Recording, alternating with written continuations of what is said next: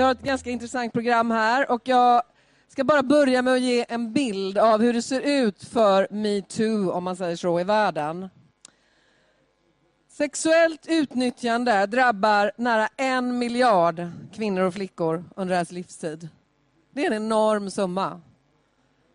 En av tio i världen faller offer för våldtäkt eller sexuella övergrepp.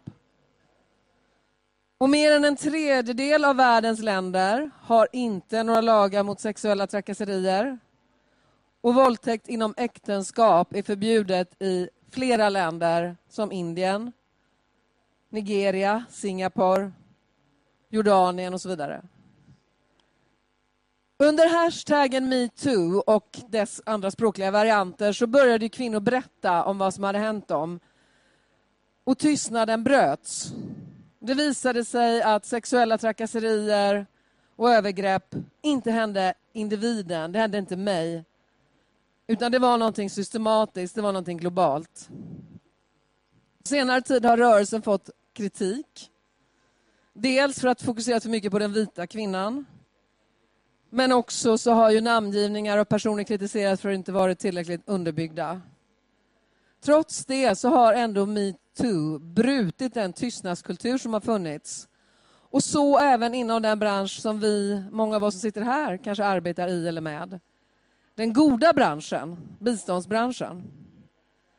Här har det också funnits en tystnadskultur där FN-soldater har fått begå övergrepp på utsatta flyktingar och barn utan att de skyldiga har ställts inför rätta och där visselblåsarna istället har blivit avskedade eller fått lämna sina arbeten.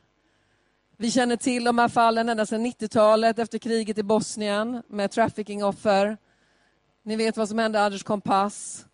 Och nu rullar skandalerna upp här en efter den andra. Så hur ska vi då hantera det här med världsångest kring metoo? Och går det att bejaka det och hitta någon slags drivkraft framåt? Det ska vi prata om här idag. Och kvällens terapeut är Luis Linneo. Han är riksdagsledamot för Fi. Här är han, välkommen upp. Du har också varit engagerad i, eh, du har varit ordförande i Män för jämställdhet. Mm. Och du har varit engagerad i RFSU och startat eh, mediehuset Fanzingo. Känner du dig redo för att ta dig an uppgiften? En ny uppgift, det är jättebra. Jag är alltid pepp för det. Bara en liten korrigering. Ja. Ehm, jag är inte riksdagsledamot. Nej. Än. Nej, självklart. självklart. Riksdagskandidat. Men ni förstår vad jag menar, eller hur? Ja. Aspirerande. aspirerande. Yes. Mm. men varsågod och sätt dig ner så ska mm. vi se uh, hur kvällens klient tar sig ut. Det är ju Charlotte Petri Gonitska. Välkommen upp! Välkommen! Tack så mycket. Kul att du är här. Tack så mycket, det är roligt. Ehm, du har ju varit chef för Sida och mm. du har varit hög chef för Rädda Barnen och Röda Korset. Och nu är du hög chef för OECD biståndskommitté. Kan du bara kort förklara vad det är för de som kanske inte vet vad det är? Så här, 30 sekunder. Det är en eh, organisation med 30 medlemmar och det är de största givarna eh, i biståndsbranschen. 30 Eh, regeringars bistånd är det som vi samordnar. Och vi sätter upp regelverket för vad som får räknas för ODA och vi ska arbeta nu för att vi förstår vad det innebär att implementera SDG-erna, det nya ramverket för utveckling. Eh, och det är jag som leder. Första kvinna. Det är bra. Men nu ska du få prata ut hur det känns att ha varit kvinna i den goda branschen där det även har pågått lite jobbiga grejer. Precis. Så varsågod. Tack. Så sätter jag mig ner här. Välkommen. Tackar. Slå dig ner, lägg dig ner. Gör det bekvämt för dig. Men, ja. Ja. Hej då. Ja, nej, men så. äh, så. Så kanske, ja. ja. Eh, jag tänkte ställa en, en klassisk terapeutfråga. Eller så kanske det är sportkommentarfråga. Hur känns det? Vet du hur jag ska börja då? Nej, men de börjar alltid med ett nej. Alltså. Nej, ah, just det. Nej, okej, okay, förlåt. Jag, jag tar om det. Ja, nej, men hur känns det? Tack. Eh, det känns... Eh, så här, helt ärligt, jag är lite så här orolig inombords. Ja. Som man ska vara kanske i den här soffan. Det handlar om att härbärgera både den här glädjen efter vinsten och samtidigt faktiskt prata om något som är jäkligt mycket allvarligare. Så att, eh, lite orolig sådär. Lite, nyfiken och lite orolig. Ja. Men jag, jag, vi är bland vänner här. Mm. Och du vet att vi har eh, en sån här uh, tystnadsplikt, så du får ju vara ärlig här helt enkelt. eh, och här kommer en fråga då som, där du var, var väldigt ärlig helt enkelt. Och det är så här. Vad tycker du om män och manlighet egentligen? Eh, jag tycker om män och manlighet med min tolkning av vad det är då. Mm, okay. Eh, så att, och jag tycker om människor. Så att, ja. Men jag tänkte med tanke på de siffrorna vi fick höra, liksom, ja. bakom dem är det ju jättestor mängd män som begår dessa övergrepp. Liksom. Det finns eh, säkert kvinnor också, men framförallt män. Och därför tänker jag, hur känns det egentligen när, när, du vet om det, att det är så? Jag tycker det är, för, alltså, så här, det är, helt, det är helt förfärligt och det är otroligt eh, mycket orsaken varför jag och andra jobbar med de här frågorna. Det går ju inte att acceptera, så är det ju.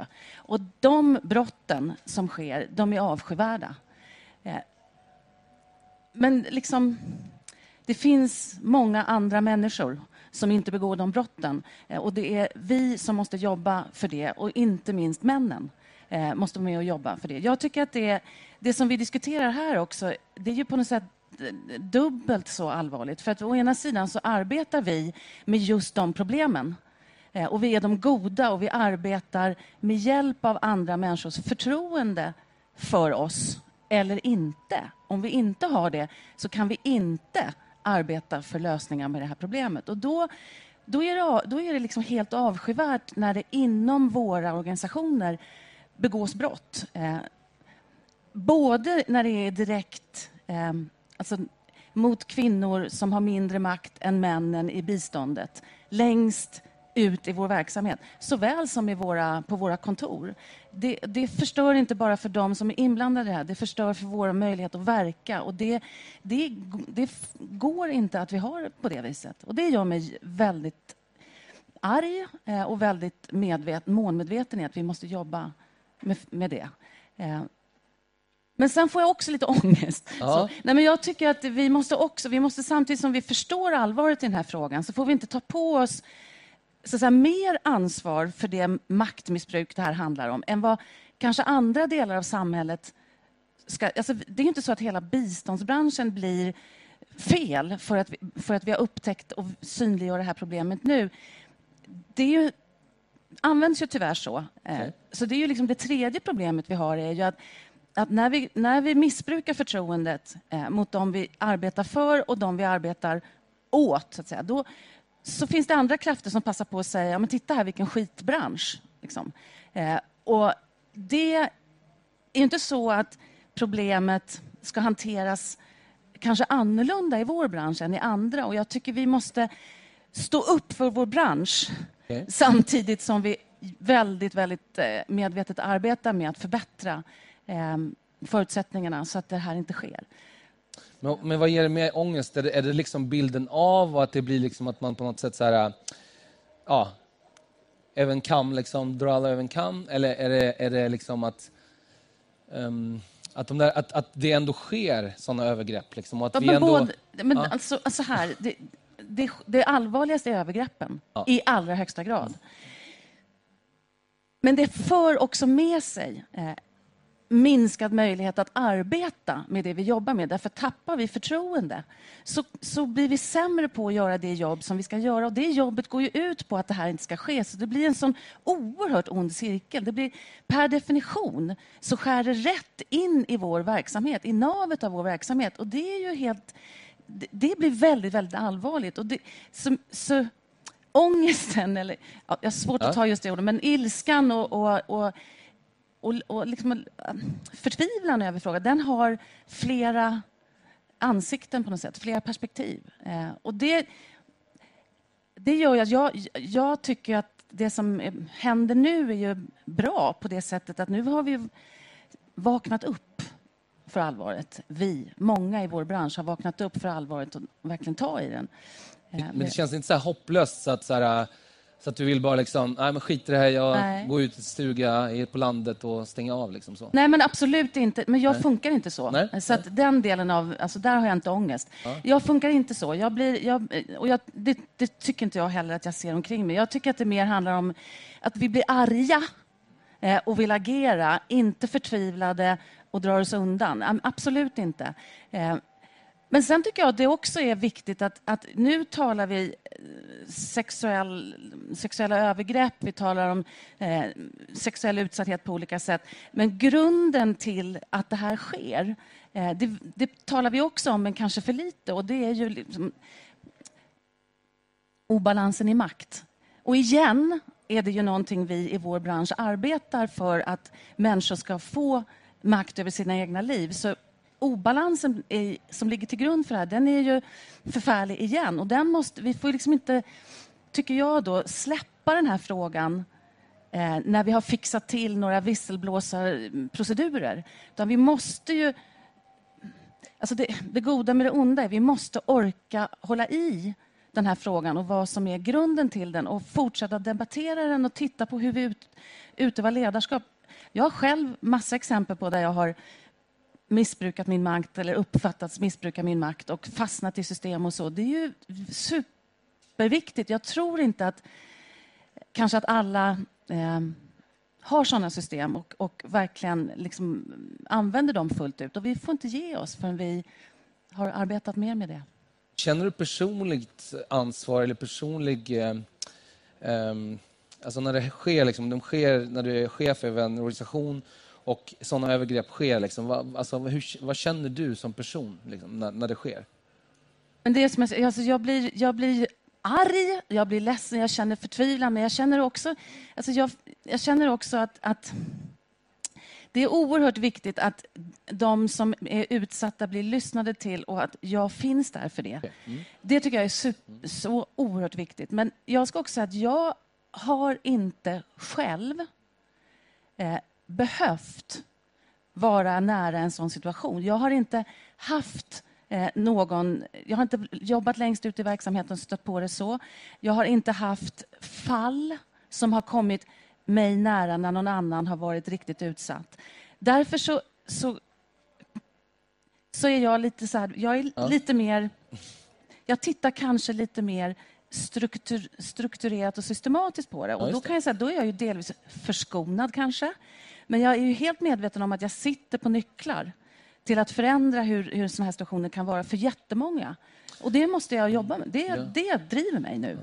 Du är ju själv kvinna som sagt i den här branschen ja. och du har gjort liksom en, säkert en resa på något sätt i karriären ja, på det visst. sättet. Mm. Har det liksom aldrig skett? Har du aldrig sett eller liksom känt det personligen? Eh, liksom, alltså det är en struktur du pratar om, men det är ändå handlingar ja, som nej, men sker. Alltså, liksom. så här, eh, jag har verkligen funderat över det, för jag har många gånger fått frågan, som, alla, som väldigt många kvinnor i jobb så här får, eh, har du själv varit utsatt? Och då är det så att jag, jag har ju naturligtvis varit en ung kvinna som när jag var under 30 in, inte förstod att jag levde i en struktur av män. Eh, där jag inte förstod förrän jag började bli riktigt eh, duktig Eh, att det fanns ett glastak. Eh, utan där jag snarare framhölls av männen så länge jag var ung och kul och talangfull och värd att satsa på. Jag är en, liksom det, det är vad jag har varit med om. Men sen har jag haft makt själv. Jag har kommit in i jobb tidigt där jag har varit chef. Jag tror att det, det har varit helt avgörande för att själv inte vara så utsatt. Eh, jag har, jag har kunnat välja. Jag har haft ett maktövertag om kvinnor och män därför att jag har varit chef. Och därför så, ett, upplever jag att jag har varit väldigt lite utsatt. Men jag har kanske inte heller förstått på samma sätt det som har varit runt omkring mig därför att Därför att jag själv har kunnat välja och kunnat ha makten över situationen. Och det, det, måste man vara ödmjuk inför. Men det behöver inte vara så att du blir argare eller mer målmedveten i den här frågan om du själv har varit utsatt. Du kan faktiskt bli det ändå. Eh, även med min hyfsat förskonade situation. Det, ja. och jag tror att det betyder jättemycket att vara... Alltså hela den här frågan bottnar ju i... Jag har ju känt att jag har e egen makt det vi kämpar för med kvinnors rättigheter. Eh, jag har kunnat ha rätten ja. att säga nej och rätten att säga ja. Eh, jag är ju en gynnad person eh, som, som har ett sånt jobb som kan förändra för många. Så det... Var kommer den här egenmakten ifrån? Eller vad, vad är, det vad är det som har gjort i din uppväxt eller vad du har varit med om som gjort att du känt e-, egen makt? En kombination av... Alltså jag, är ju, jag har haft en halv silversked i munnen.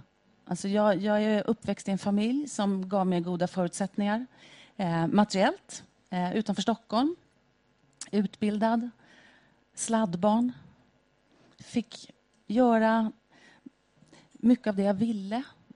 Så innan jag bestämde mig för det jag gör nu så blev jag liksom, så sjöng jag. Gick skådespelarutbildning och sjöng pop och jazz. Och jag, lä, jag läste idag att man tittar tillbaka på, på människor som, som förverkligar sig i, i, i, det som kallas bra karriärer. Då säger man många gånger att om man får leva sin passion så har man väldigt stora förutsättningar. Och det, det har jag fått göra. Men så jag, jag uppväxt under en tid eh, och jag uppväxt på Lidingö och jag tyckte att efter ett tag att jag eh, inte kände att debatten om Vietnamkriget eller så nådde in i mitt hem riktigt. Mm. Eh, och det började driva mig senare i livet. Så jag har gjort en, kan säga, en vandring från en gynnad, ganska naiv miljö till att gradvis förstå eh, att världen inte ser ut som den gjorde när jag växte upp på Lidingö. Eh, och det driver mig. Det driver mig den, den motsatta resan, eh, om man får uttrycka sig så. Och sen så har jag som sagt var haft eh, jobb där jag har haft inflytande. Eh, det ger makt. Och innan jag förstod eh, att eh, det ansvar som kommer med det, eh, det måste man också bli medveten om. Och det kanske man inte är när man är ung eh, och inte har pratat om maktfrågor. Så det, det det intresserar mig och driver mig mycket idag. Vi måste prata om det. Då avbryter vi den här terapisessionen nu. Tackar så Tack. mycket. Uh, hoppas det kändes bra. Ja, det vet vi okay. kanske vill träffas igen. Ja. Har varit så här kort terapi? Ja, alltså. men du vet, man får ju göra ett, ett litet åtagande. Så här. Man ska ses många mm. gånger och mm. satsa lite. Mm. Eh, men nu ska vi ta upp en annan person som vi är jätteglada för att ha här. Hon är människorättsaktivist, artist, rappare och hiphopproducent, jojkare och feminist och har tagit strid för urfolkens rättigheter. Och under Melodifestivalen i år så gjorde hon ett eh, mycket uppmärksam mellanakt som gick rätt in i metoo-rörelsen. Välkommen upp, Maxida Merek.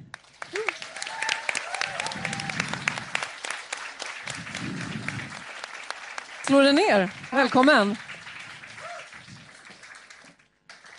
Hur kändes det här då, när du lyssnade på det här samtalet? Har du någon spontan kommentar? Hörs jag? Ja. En spontan kommentar, mer än att det, jag tycker att det är eh, härligt att dela plats från, eller med människor från olika världar. Att det uppmärksammas på olika, inom olika världar, helt enkelt. Ja. Mm. Det är ju mycket det som det ska handla om, att vi ska mötas lite över gränserna. Vad säger du, Charlotte? Hur kändes det för dig att vara klienten här?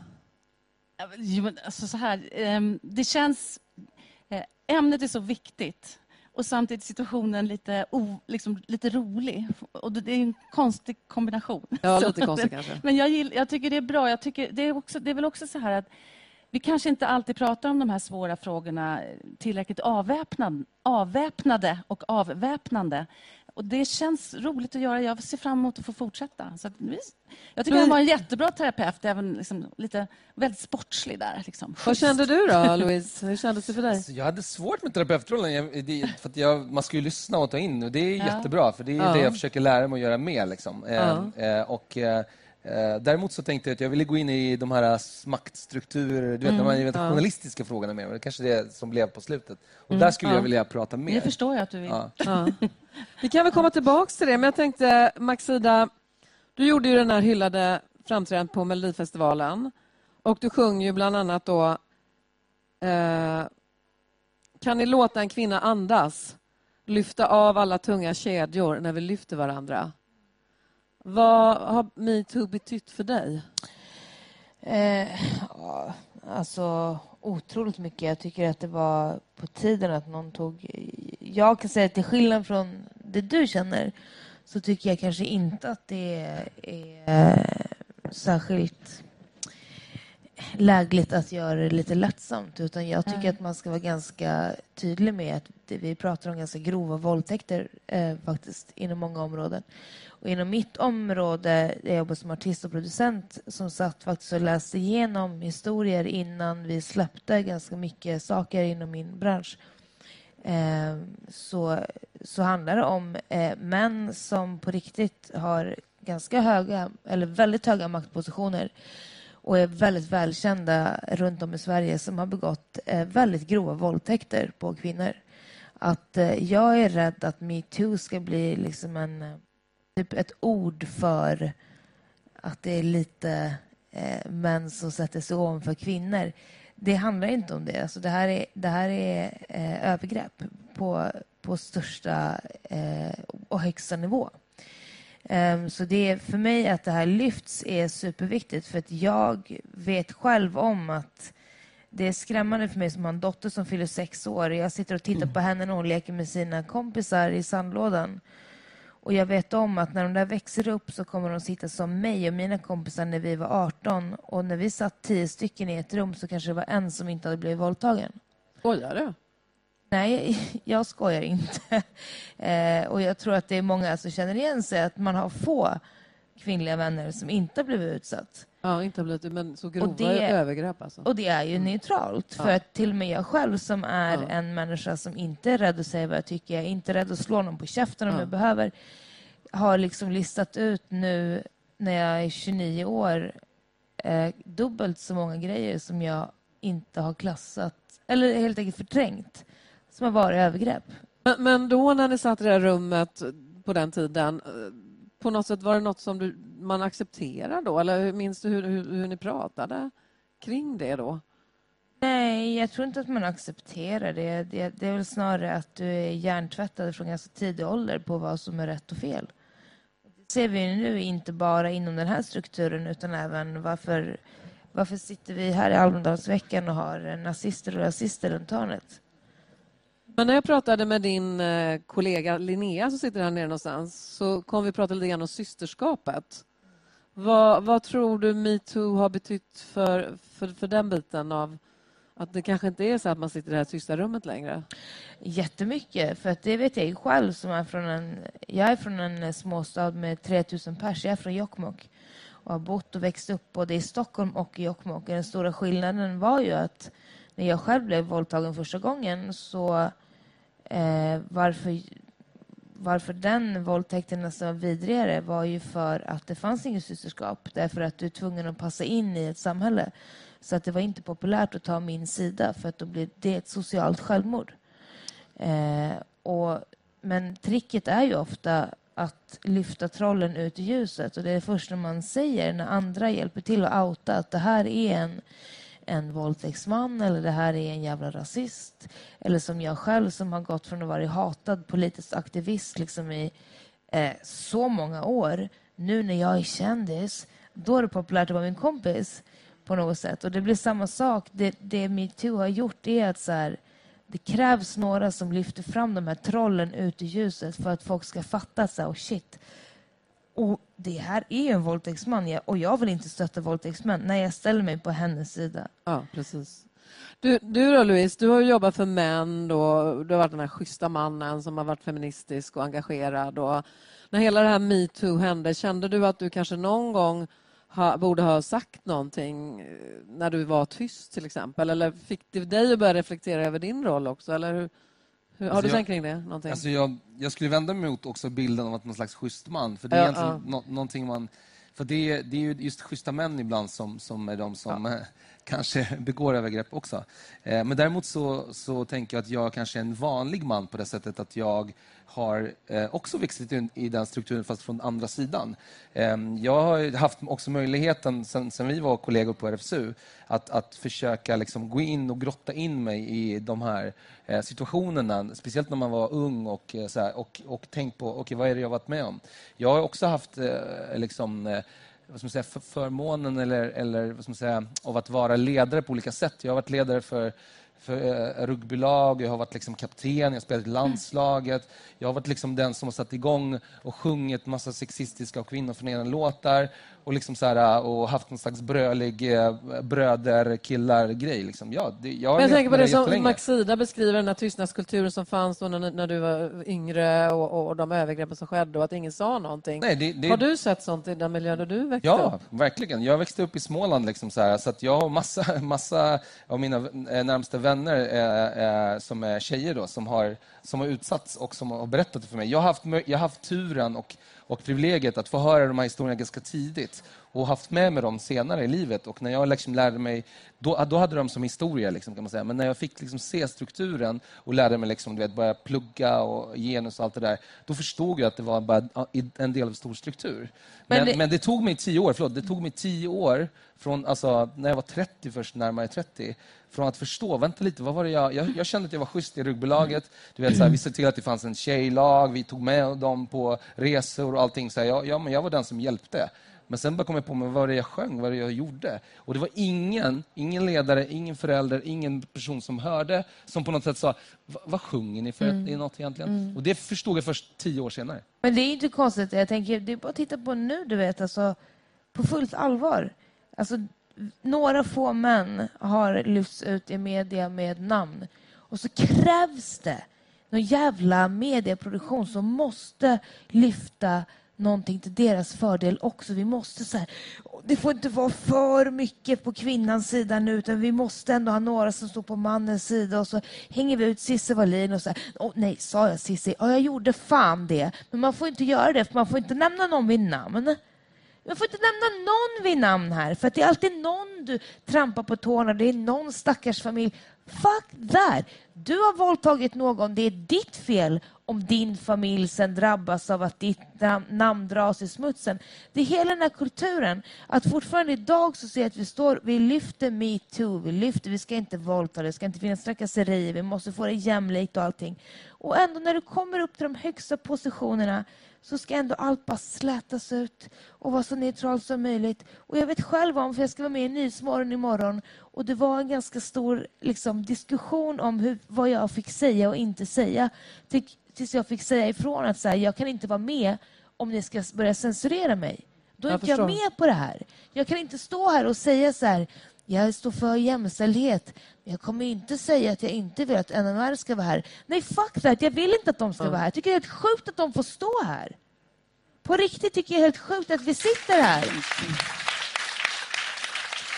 Nej, men, får jag plocka upp din tråd? Jag måste, jag måste bara säga det. Ja. Det här är också sorgligt att nu i det här tältet kan man klappa åt det men fortfarande så är det en sån stor grupp av människor som inte ens har vågat sig hit idag för att de är där.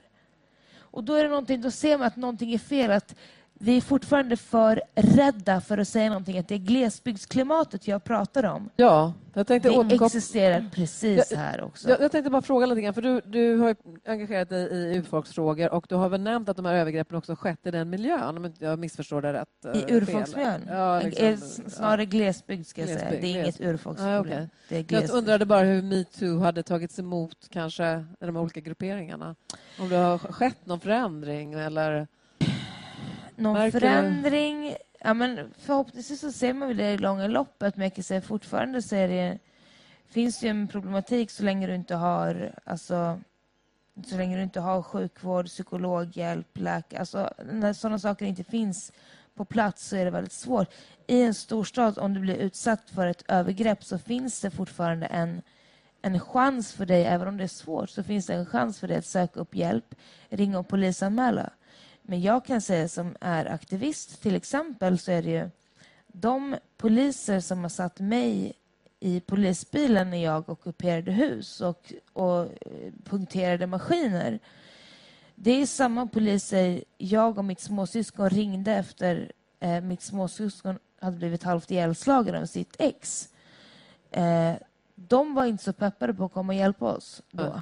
Men det, har, har, du märkt någon förändring i det nu? Att det ändå blivit något medvetandegörande? Tror en, du? Ja, nej, jag kan Den, inte säga. Inte, inte än. Nej. Men jag har förhoppningar. Ja. Därför att vi ser det finns fortfarande en generation som kanske inte har talan riktigt ännu.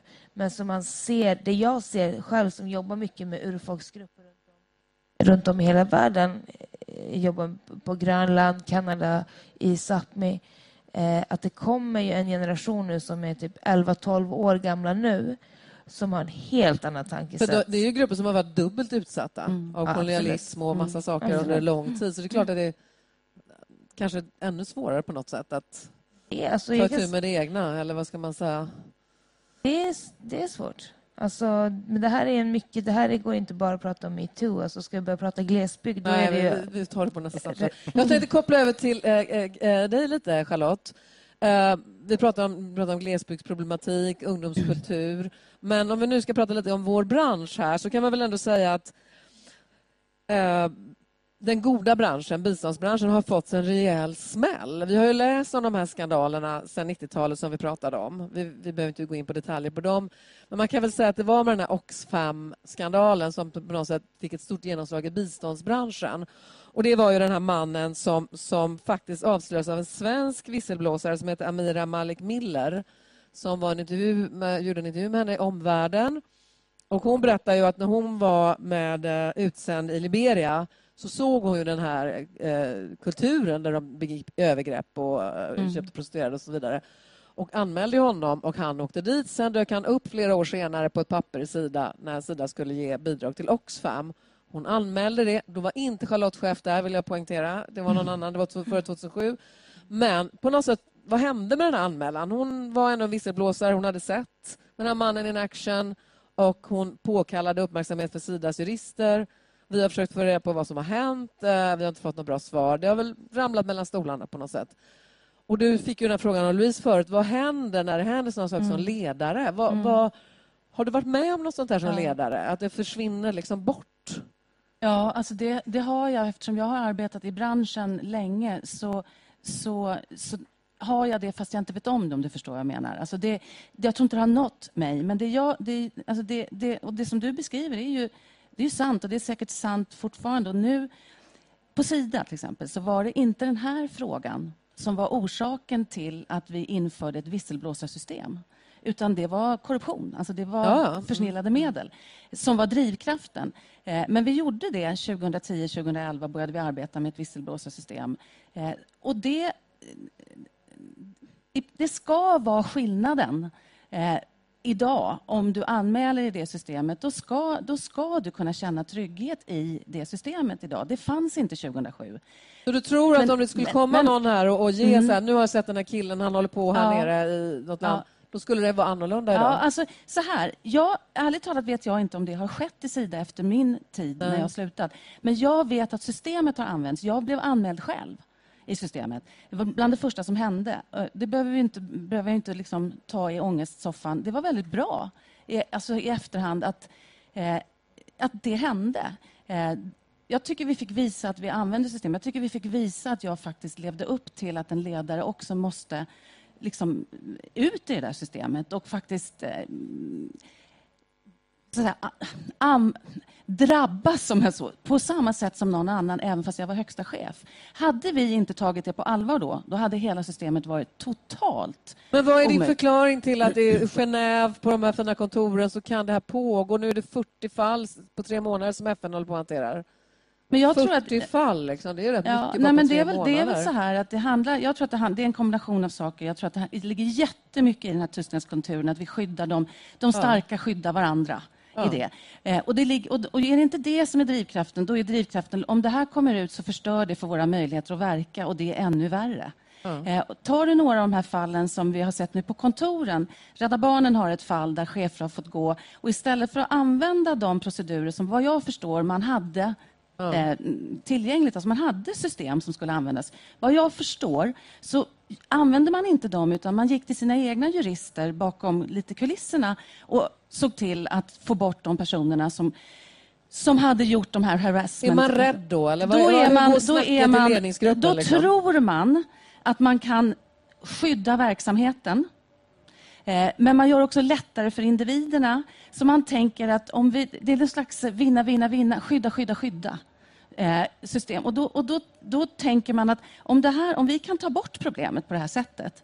Eh, då, genom att tysta ner det? Genom att tysta ner det eh, så gör vi ändå någonting gott för verksamheten som kan leva vidare. Och då vill jag säga att det funkar absolut Absolut inte. När det slår tillbaka, som det har gjort, då slår det tillbaka dubbelt upp. Det är så förödande att inte använda de procedurer. Och då vill jag säga en sak till innan. Ja. Nu sitter vår bransch från regeringar och säger nu måste vi lära oss att arbeta med de här frågorna. Vi måste ha system på plats. Och då, så småningom, om vi har tid, ska jag berätta lite vad det betyder. Men jag vill säga samtidigt så här, det är ju också risk nu att det är en signalpolitik. Det vill säga att nu ska alla införa de här systemen för det ser illa ut att inte ha systemen. Eh, och regeringarna ska ja, det är lite som att ha en, en jämställdhetspolicy ja, och inte ja, ha lika löner. Ja, det vara ett papper. Liksom. Det, det, det finns policies, men det finns inte procedurer att följa upp det det är väldigt hög ambition nu från regeringen att man ska både se till att det finns procedurer hela vägen ut, men också på kontoren. Och man ska börja med att leda själv, alltså man ska vara exemplen själv. Man ska se till att det inte går att rekrytera från Rädda Barnen eh, till eh, Diffid i Storbritannien med mindre än att man har pratat med varandra om eh, om den här personen har sedan tidigare varit utsatt och så vidare. Men vad jag vill, vad jag vill säga är att det är så förbaskat viktigt att frågan inte lever bara för att den lever i media nu, utan att vi, vi måste ju sitta här om ett år igen. Ja. Men det här är ändå, jag måste bara säga, för mig är det, alltså det blir absurt typ att det här ska bli sån det är så jävla krångligt. Ja, men det, All, nej, det är det. Nej, nej, det är det det egentligen inte är. Alltså egentligen så handlar det om nolltolerans. Alltså, så här, ja, men... Är det så jävla svårt, skriv ett jävla papper det här accepterar vi inte. Alla som blir anställd på ett företag skriv under det och alla har en skyldighet. Blir jag utsatt för någonting så går jag till chefen och chefen måste ha en skyldighet att ta tag i detta, punkt slut. Och nu är det så här långa diskussioner. Hur ska vi göra? Hur ska vi omformatera hela branscherna för att det här inte ska ske? Är du galen? Det här handlar om nolltolerans. Ingen ska bli utsatt för sexuella övergrepp. Ja, men visst, men det, absolut. Slut. Alltså, men vet du, det finns det... redan. Alltså, problemet vi har är att de där policydokumenten finns. Jo, och men... det är, händer ändå det vi säger. Det och då, händer. Ja, och därför måste vi gå på vad är det som vi gör då. För jag, alltså, jag har ju samma jag håller helt med dig. Det är en ledarskap. Varför sker det inte? Men det sker ju inte därför att uppenbarligen skyddar inte systemen de som vill anmäla. Nej, nej, nej. Och då måste och det, vi och, och vi måste arbeta med det. In. Det är samma i min bransch. Man säger nu, jag ska spela på Statementfestivalen. Och jag kan säga det, min dotter är sex år. Hade hon varit 16 år så hade det här varit den enda festivalen jag hade skickat iväg henne på ensam. Hon hade aldrig fått åka till någon annan festival. Alltså, vi måste gå in i lagsystemet och ändra lagarna. Nu våldtar män våldtar kvinnor och barn för att de kan. I min värld, vars jag kommer ifrån, jag har en vän. Han fick sitta två och ett halvt år i fängelse för att de misstänkte att han hade skjutit en järv som hade rivit hela hans renjord. Två och ett halvt år i fängelse. Hur många våldtäktsmän får sitta två och ett halvt år i fängelse? Så det är normsystemet du tycker vi måste lyfta upp. Nu ville du komma in där, Louise. det jag säger bara, ja. det, det, i slutändan är det så här, ja. Gå in i lagen och ändra. För det ja. folk säger, det folk skyller på är så här, vi kan, inte göra, vi kan inte göra det och det och det, för det här och det här, här står i lagen. Gå in i lagen och ändra. Det är så krångligt. Ja, börja nu då, så är vi snabbare Men då färdig. kanske man måste ha tuffa chefer i toppen som Absolut. styr. Det är klart vi det är måste klart ha. Och kanske fler kvinnor och i toppen som vågar ta matchen. Men nolltolerans betyder nolltolerans. Nu har du så att papperna har funnits det har suttit ja. och diskuterats, man ja. köper ut lite folk ja. här och där. Och det är det som är grejen. Vi måste ju, vi måste ju, ta, vi måste ju jobba med, så blir lite tuffare med de tag, frågorna. Do, vi, måste, vi måste också säga så. så här, nej Virtanen, du får inte fem miljoner när du, när du får gå från ditt jobb. Nej. Du får noll kronor. Gå från ditt jobb, du får noll kronor. Istället så ger vi han flera miljoner på banken för att han får gå.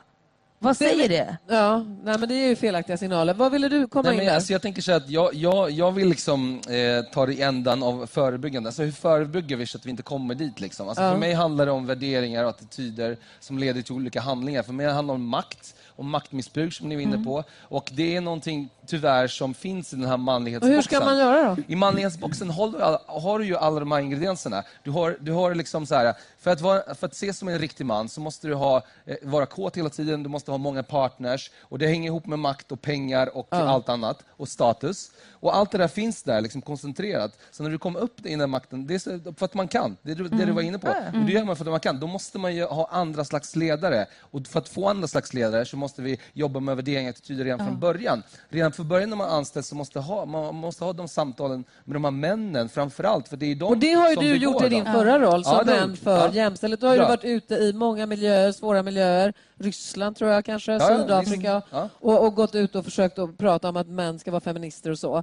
Kan du bara kort, så här för tiden börjar, hur, hur går det liksom, när du kommer in med de här Kanske grejerna, inte direkt att män ska vara feminister, Nej, men, liksom, men, men, men, sagt, men liksom. ja, precis, ja. men att män ska förändras och, och, se förändring och känna förändringen. För det är det de gör. I Ryssland, jag har en, en jättebra kollega som heter Vidar Wetterfalk som har jobbat väldigt mycket i Ryssland. Han sa första gången vi, vi svenskar kom och skulle prata om med pappagrupper, då satt mm. de här du vet, militärerna liksom och sa, ni ska, göra, ni ska göra bögar av oss, det är därför ni kommer hit var första grejen. Men en timme senare så satt de och, och grät. För att de ville egentligen vara nära sina barn, de ville inte vara machomännen. De ville liksom bejaka andra sidor mm. som de har undertryckt. För det är också kopplat till militarisering. Jag är säkerhetspolitisk talesperson i FI. Det betyder för, för att säkerhetspolitik för oss är allt. Det är mäns våld, mm. det är liksom det nationalistiska sättet att se, det är kvinnan som gudinna, men slampa samtidigt någonstans också. Alltså hela den här grejen finns koncentrerad. Så vad du säger, det, män, män vill förändra sig då, eller? Ja, om de får chansen, 100%. Och det är det, eller, ja, om vi skapar trygga rum, även mm. för män. Jag, vet, jag, jag brukar vara kontroversiell, vi måste satsa på männen. Hur då? Jo, just i de här fallen där det handlar handlar om att de måste få reflektera. Alltså det handlar såklart om att, att, att förhoppningsvis, eh, jag är också barn eh, och en kille. Och det handlar om att vi såklart måste ha en bättre, ett bättre sätt att, eh, att, att ja, fostra dem på ett annat sätt. Men vi måste, alla, alla, alla män vill. Varje gång jag startar en grupp, eller vi startar en grupp, så kommer män och vill ja. prata och vill förändras. Så det är det, så här, och då, vi, då, får vi nya ledare också, ja, tror jag. Vi måste runda av här lite grann. Vi har pratat lite grann om det här att det är massa problem med lagar och, och hur det ser ut, strukturer, tystnadskulturer. Men finns det någon drivkraft, tror ni, i att det, att det är jobbigt att man har ångest för grejer? Finns det någon drivkraft i det? Vad tror du? Vad menar du med den frågan? Mm. Va? Eh, finns det någon drivkraft i att känna att det är deppigt och att man har ångest kring sakernas tillstånd? Kan man hitta någon styrka i det? Vad kan man själv göra som individ? Ja, men ångest för mig är ångest en kraft. Så ångest kan komma ut i form av våld eller ångest kan komma ut i form av engagemang. Så. För mig har det blivit engagemang. För dig då? Alltså, jag tänker kanske konsten eller kulturen, att du liksom uttrycker dig i det på något sätt, eller? Yes, för mig, jag tycker det är vidrigt. För mig är det vill inte att mitt eh, barn ska någonsin utsättas för det här. Jag vill se konsekvens på gärningsmän och jag vill se totalt skydd för de kvinnor som blir utsatta. Charlotta, vad känner men jag, du? Men jag har redan tror jag, sagt det. Jag, ja. jag tycker, för mig är det en, en jättes, jättestark drivkraft. Alltså jag blir ju arg jag ja. vet inte om det är en nyans av ångest. Då. Ja. Så, om det, nu säger jag att det är det, för jag har ju makt. Ja. Så jag säger att det är, och, då, och, då, och jag blir arg. Eh, och, och, och jag tycker det är en bättre känsla många gånger. Eh, samtidigt som jag, jag nästan alltid pratar om hopp. Därför att saker också måste bli bättre och vi måste ta energi från det. Men det är ilskan i de här sammanhangen som driver mig. Och jag blir, jag blir förtvivlad när vi gör bort oss också. När vi, och det, ja, vi, vi, vi kommer i den här frågan från olika perspektiv. Jag sitter i en position med, med, branschen för händerna så här. Och så är det några jävla rötägg som gör förfärliga saker och som förstör för andra människors möjligheter att verka för att de här frågorna ska bli bättre. Då blir, jag blir jättearg. Eh, och, och, och det är klart att då måste man jobba med det här. Och jag, jag, är så här, jag är också rädd för att vi släpper för tidigt det här arbetet. För det är ingen quick fix. Och vi, när vi jobbar med jämställdhet jobbar vi med män, med män i den... Alltså vi, det är ju en stor fråga. Och vi måste orka. Innan jag avslutar så måste jag bara säga, jag ja. tror ju ett av tricken är ju... Vi har ju skapat ett samhälle nu som är... Alltså det är det är fruktansvärt vad som händer nu. Jag vet inte om ni har läst vad som händer i Danmark eh, för tillfället. Eh, och även hur det ser ut här med det högerextrema klimatet. Jag tror att det krävs alltså extra lektioner i skolan för barnen ehm, på faktiskt så här, vad är rätt och vad är fel. Därför att nu är det en, en väldigt hårfin gräns. Liksom. Eh, och vi har tappat vad det är som vi ska tolerera och absolut, absolut, inte tolerera. Att vi ser nu att det finns en kultur där eh, så här många har blivit utsatta vi kanske borde sätta in ganska tidigt i skolan och lära våra barn vad, en våld, vad är en våldtäktsman Liksom. Punkt slut. Inte bara så här eh, i finstil, så här, vad, är, vad, är, vad är dåligt att göra? Nej, nej, nej. När blir du en våldtäktsman? Det är när det görs men, men då, kan man ändå säga att det finns saker vi kan göra. Det finns mycket ja, Det finns hur mycket som helst vi kan göra. Ja, det, det, har, det har alltid funnits tusen grejer vi kan göra. Vi sitter här och mm. låtsas som att vi är jävla tomtar. Det finns och, tusen grejer Det finns göra. metoder och eh, alltså, mm. sådana som är liksom beprövade. Och, alltså, det finns ju massa ja. grymma metoder ja, på att, hur man kan jobba med det. Så det är bara att sätta igång, implementera och gå till civilsamhället som har dem, som sitter på den kunskapen. Nu måste vi avrunda. Och då tänkte jag fråga dig, Maxida, vad, vad tänkte du framföra för oss idag här? Tänkte du... Jag hade ju privilegiet att ta mig in i det absolut mest eh, svenska folkhemmet, Melodifestivalen. Mm. Eh, och störa dem som gärna vill kolla på Melodifestivalen och inte se mig. Så dök jag upp där ändå. Eh, jag fick äran att tolka en, en låt eh, som jag eh, ja, skrev om och gjorde till min egen och det kändes som att det låg väldigt rätt i tiden. Och mycket intressant att läsa den här låten som nästan är hundra år gammal och känna att fan vad sorgligt och fan vad coolt samtidigt att det, den är lika aktuell idag som den var då. Och den ska vi få höra dig göra nu. Så yeah. då säger jag varsågod och tusen tack så tack. mycket för att ni kom hit. Tack. Varsågod.